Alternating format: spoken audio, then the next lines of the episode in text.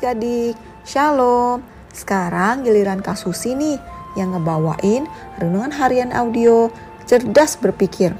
Semoga melalui renungan ini pikiran kita makin diisi oleh kebenaran firman Tuhan ya. Kita masih ada dalam pembahasan mengenai ke-10 firman atau ke-10 perintah.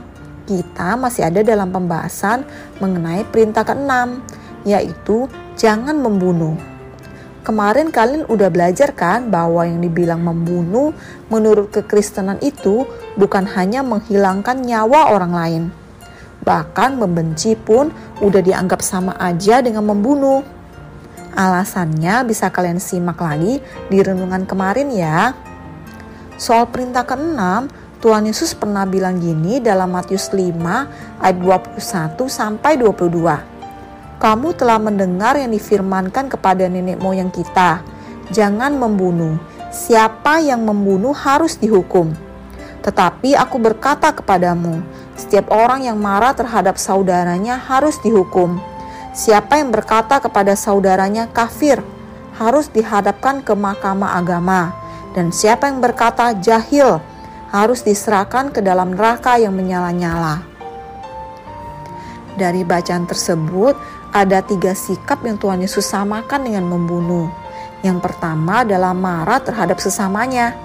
Ini udah dijelasin ya di renungan kemarin. Yang kedua, ngomong ke sesamanya dengan bilang kafir. Kata kafir di ayat ini sebenarnya terjemahan aslinya tuh bisa dibilang kepala kosong. Mungkin kalau dalam percakapan bahasa Indonesia ini hampir sama dengan makian gak punya otak. Yang ketiga, ngomong ke sesama dengan bilang jahil. Ini bukan jahil dalam arti iseng ya. Kata jahil dalam ayat ini dalam terjemahan aslinya bisa berarti bodoh. Nah, dari sikap yang kedua dan ketiga ini, kakak simpulkan begini.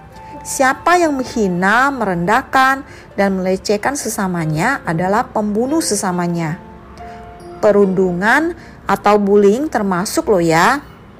Loh, kok bisa gitu kak? Hmm, gini adik-adik, kita akan mempercayai apa yang sering kita dengar. Begitu juga dengan orang lain. Yang namanya menghina dan merendahkan, pasti itu soal perkataan buruk dong.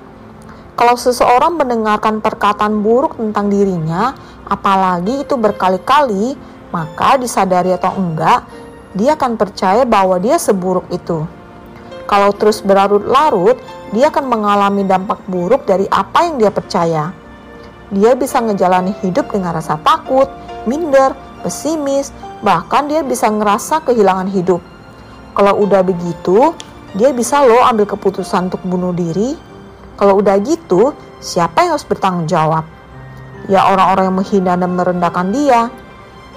Emang sih bunuh diri itu salah, tapi dia bisa sampai bunuh diri kan karena terus-menerus menerima hinaan. Kalaupun dia nggak sampai bunuh diri, tetap aja berbagai perkataan menghina dan merendahkan tersebut memiliki dampak buruk kayak yang kasus bilang tadi kan.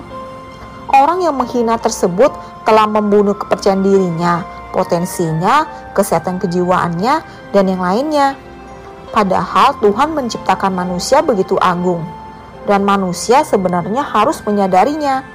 Tapi itu dirusak dengan kata-kata hinaan atau bersifat merendahkan.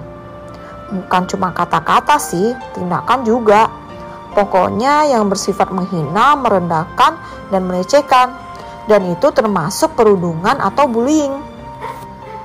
Amsal 14 ayat 21 bilang gini, Siapa menghina sesamanya berbuat dosa, tetapi berbahagialah orang yang menaruh belas kasihan kepada orang yang menderita. Bagi mama papa semua yang mendengarkan renungan ini, ada hal yang saya mau sampaikan. Marilah kita sebagai orang tua memperhatikan dan melindungi anak kita dari perundungan. Mari kita sama-sama jadi tempat yang tepat buat anak-anak kita bercerita tentang apa yang mereka alami. Dan satu lagi, Ketika kita sedang marah karena kesalahan ini buat anak-anak kita, marilah kita mawas diri agar tidak mengeluarkan kata-kata makian kepada mereka. Semoga kita bisa sama-sama jadi orang tua yang lebih baik ya. Oke adik-adik, udah ngerti kan apa yang Kak Susi sampaikan? Sekarang yuk kita berdoa.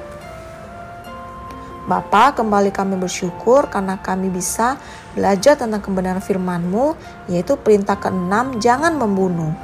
Bantulah kami ya Bapa untuk bisa mengasihi sesama kami dengan kasih-Mu, sehingga kami tidak akan membunuh mereka dengan kata-kata kami yang menghina, merendahkan, atau menyakiti hati mereka. Biarlah hanya kata-kata berkat yang keluar dari mulut kami dan memberkati mereka. Dalam nama Tuhan Yesus kami berdoa dan mengucap syukur. Amin. Oke, sekian dulu ya dari Kasusi. Tetap sehat, tetap semangat, dan tetap jadi berkat. Jangan lupa bahagia ya. Tuhan Yesus memberkati. Dadah.